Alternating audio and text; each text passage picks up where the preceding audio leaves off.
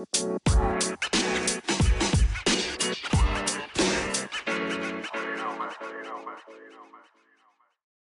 hey, super tof dat je luistert naar een nieuwe aflevering van de Positief met Pubers podcast. Mijn naam is Janneke en dagelijks beantwoord ik allerlei vragen via mail en DM van ouders die struggelen met dingen in de opvoeding van hun puber. Ik beantwoord deze vragen en in de podcast behandel ik elke aflevering een vraag met jou. Ik geef je mijn visie en ik neem je mee in mijn dagelijks leven. Mocht je dat nog niet gedaan hebben, abonneer je dan op deze podcast, zodat je geen aflevering meer mist.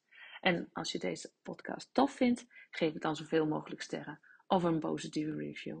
Hoe meer positieve reviews, hoe meer platforms als Spotify en Apple Podcasts deze podcast gaan aanbevelen aan andere ouders die deze podcast nog niet kennen.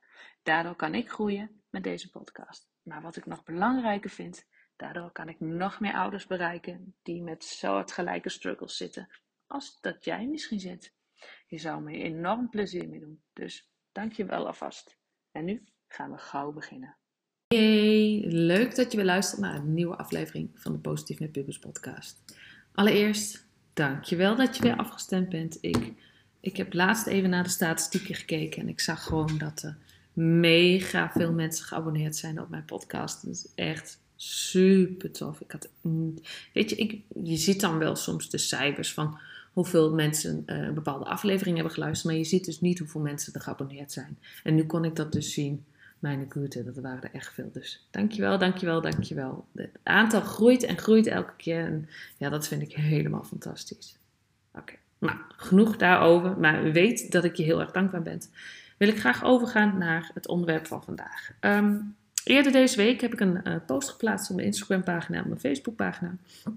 Uh, met de tekst: Achter iedere leuke, grappige, eigenwijze puber schuilt een moeder die er bijna zeker van is dat ze het allemaal verkloot. En met als onderschrift dat ik zo hoop dat dit herkenbaar is. En er was een moeder die, die daarop reageerde en die vertelde dat, uh, dat dit meer dan herkenbaar was. En dat ze zo graag zou willen dat ze er anders over zou kon denken. En toen ik vroeg wat ze daarmee bedoelde, vertelde ze van nou dat ik de negatieve opmerking kan blijven relativeren. Dat ik mijn gevoel er niet zo door laat beïnvloeden. Want soms kan ik er inderdaad intens verdrietig van worden. Wat ze dan allemaal naar je hoofd gooien. Om vervolgens een half uur later oprecht sorry mam te zeggen. Maar dan is de opmerking al diep bij mij binnengekomen. Snap je wat ik bedoel? Nou, weet je, ik, ik snap heel goed wat, wat deze uh, moeder bedoelt.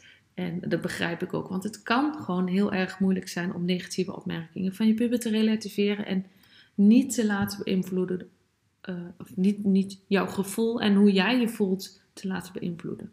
Het is normaal dat, dat zulke opmerkingen bij je binnenkomen. Vooral als het afkomstig is van iemand die dichtbij je staat, zoals je kind. Voor iemand waarvan je heel veel houdt, waarvoor je je leven zou geven. Het is belangrijk om dan te onthouden, en dit is echt wat ik je dan mee wil geven, dat pubers vaak nog niet volledig begrijpen hoe hun woorden en daden anderen kunnen beïnvloeden. Weet je, hun brein is zo in ontwikkeling. En dat betekent niet dat, dat, dat ik daarmee hun gedrag en hun woordkeuze goedkeur. Maar ze kunnen impulsief zijn en in het heetst van een strijd, in het heetst van een moment, dingen zeggen die ze eigenlijk niet menen en waar ze achteraf spijt van hebben. En uh, wat wel heel positief is, is dat je puber dus uit zichzelf, tenminste dat neem ik zo even uit dit verhaal op, uh, spijt betuigt en sorry zegt. Wat dan weer aantoont dat ze zich bewust zijn geworden van hun gedrag. Dat ze achteraf, en dat is dan vaak achteraf, denken van, oh, dit had ik beter niet kunnen doen. Maar ja, het is al een compliment en heel positief dat je puber erop terugkomt. Er zijn er ook genoeg die dat niet doen. Dus dat is al iets, als je het dan hebt over relativeren, dat is dan iets waarvan je kunt denken van, oké, uh, ja lieve schat, ik accepteer je excuses, maar dit voor de volgende keer onthoud wel, dit accepteer ik niet, dit laat ik niet over me heen lopen. Nou, wat je er ook aan wil geven. Dus accepteer ze, want weet je, ik denk oprecht dat ze het niet persoonlijk bedoelen, maar dat ze in de heet van de strijd dingen zeggen waar ze achteraf spijt van hebben. Hoe heb jij, als het goed is, als ik dan naar mezelf, voor mezelf spreek, ik heb dat ook wel eens. Dat ik, als ik in een felle discussie zit met mijn man of met de kinderen, zeg ik wel eens dingen dat ik achteraf denk: ah shit, had ik eigenlijk niet moeten zeggen. Dus dat. Aan de andere kant wil ik je ook een aantal dingen meegeven die je kunt proberen om beter met die situaties om te gaan. Nou, ten eerste is neem wat afstand. En dat kan zijn letterlijk afstand. Dat kan ook even zijn je afsluiten door even diep adem te halen. En je te beseffen dat die opmerkingen waarschijnlijk niet persoonlijk bedoeld zijn. En dat pubers gewoon niet altijd doorhebben hoe hun woorden, de keuze van hun woorden, anderen kunnen raken. En dat is, weet je, dat is niet gemakkelijk. Maar probeer die opmerking dan zelf niet persoonlijk te nemen. Ook al voelen ze wel heel persoonlijk. Probeer het los van elkaar te zien. Probeer het te zien vanuit de context waar het in zit. Probeer het te zien als: oké, weet je, nee, dit behoort mijn puber niet te zeggen. Dat, dat staat er los van. Maar weet ook dat hun brein nog in ontwikkeling is. En dat ze dus soms woorden kiezen waar ze achteraf spijt van hebben. Daarnaast is eh, communicatie ook hier weer van groot belang. Praat met je puber over hoe je je voelt als zulke opmerkingen worden gemaakt. Dus wanneer die excuses komt maken, leg dan rustig uit dat het je gekwetst heeft en probeer een eerlijk gesprek te voeren over het belang van respectvolle communicaties. Op die manier leer je ze dat, dat bepaalde woorden of bepaalde acties gevolgen hebben naar jou toe. En jij bent zo, omdat je ook zo oud bent, in staat om ze nou, gemakkelijk te vergeven, al hebben de woorden impact. Uh, maar er zijn ook vriend, in vriendschappen of op school docenten of andere mensen die dit niet accepteren. En waardoor het echt daadwerkelijk gevolgen heeft met misschien hele negatieve of hele slechte gevolgen. Door dat in gesprek te gaan, help je ze begrijpen hoe hun woorden impact hebben op jou. En ja, dat is wat ik zeg, nog niet zo ver in hun brein. Maar dat betekent niet dat je het er niet over kan hebben. Dat betekent niet dat je die vaardigheden niet kan, bespreekbaar kan maken.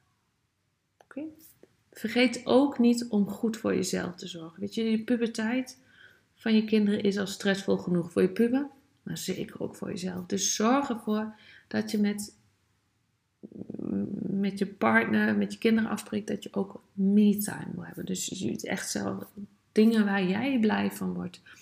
Wat dat dan ook is. Of dat nou sporten is, een hobby oppakken is, lekker lezen is, of tijd doorbrengen met vriendinnen of vrienden of familie. Nou, maakt me niet uit.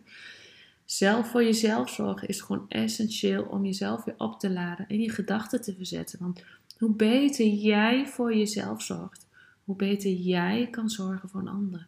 En dat is iets wat wij meestal als moeder vaak vergeten. We vinden heel veel dingen belangrijk en vergeten daarin onszelf herken ik mezelf ook in hoor. Dus dat is niet heel vreemd, maar wel belangrijk. Want ik merk gewoon wanneer ik goed voor mijzelf zorg. Ben ik een leukere moeder? Ben ik een vrolijkere moeder? Kan ik meer hebben?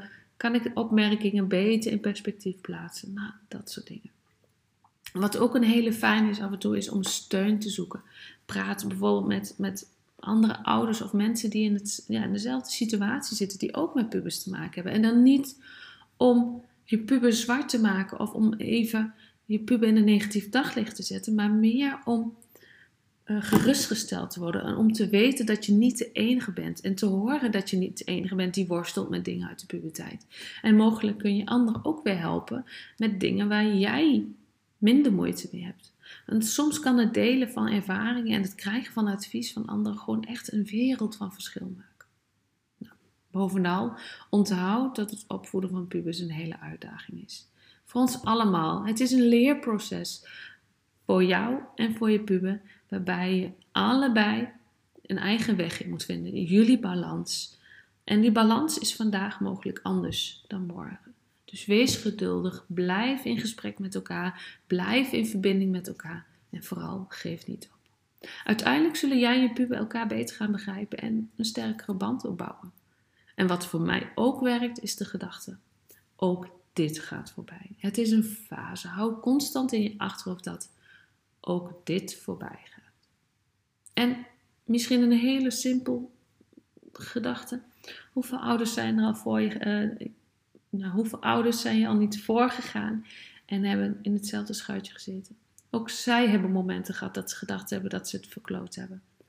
En ook die ouders hebben gezien dat hun zoon of dochter uiteindelijk een vaste persoon is geworden met zijn eigen kwaliteiten en vaardigheden. Dus hou vol. En mocht het een keer lastig hebben en me even met iemand willen sparren, stuur me dan een DM. Ik help heel graag. Dankjewel. Dat was hem voor vandaag. Ik hoop dat deze aflevering je weer inzichten heeft gegeven. Mocht je willen reageren of een suggestie hebben voor de podcast, kan dat natuurlijk. Zoek me dan even op via Instagram. Wanneer je deze podcast waardevol vond, deel hem dan op je social media kanaal met iemand die hier wat aan heeft. Samen gaan we één persoon per keer uh, verder helpen door dit te delen. En uh, daardoor kunnen we de wereld van pubers een beetje mooier maken. En kunnen we de wereld van de ouders wat tussen haakjes gemakkelijk maken. Samen het leven van andere ouders en dat van andere pubers wat positiever maken. Dankjewel voor het luisteren en tot de volgende keer.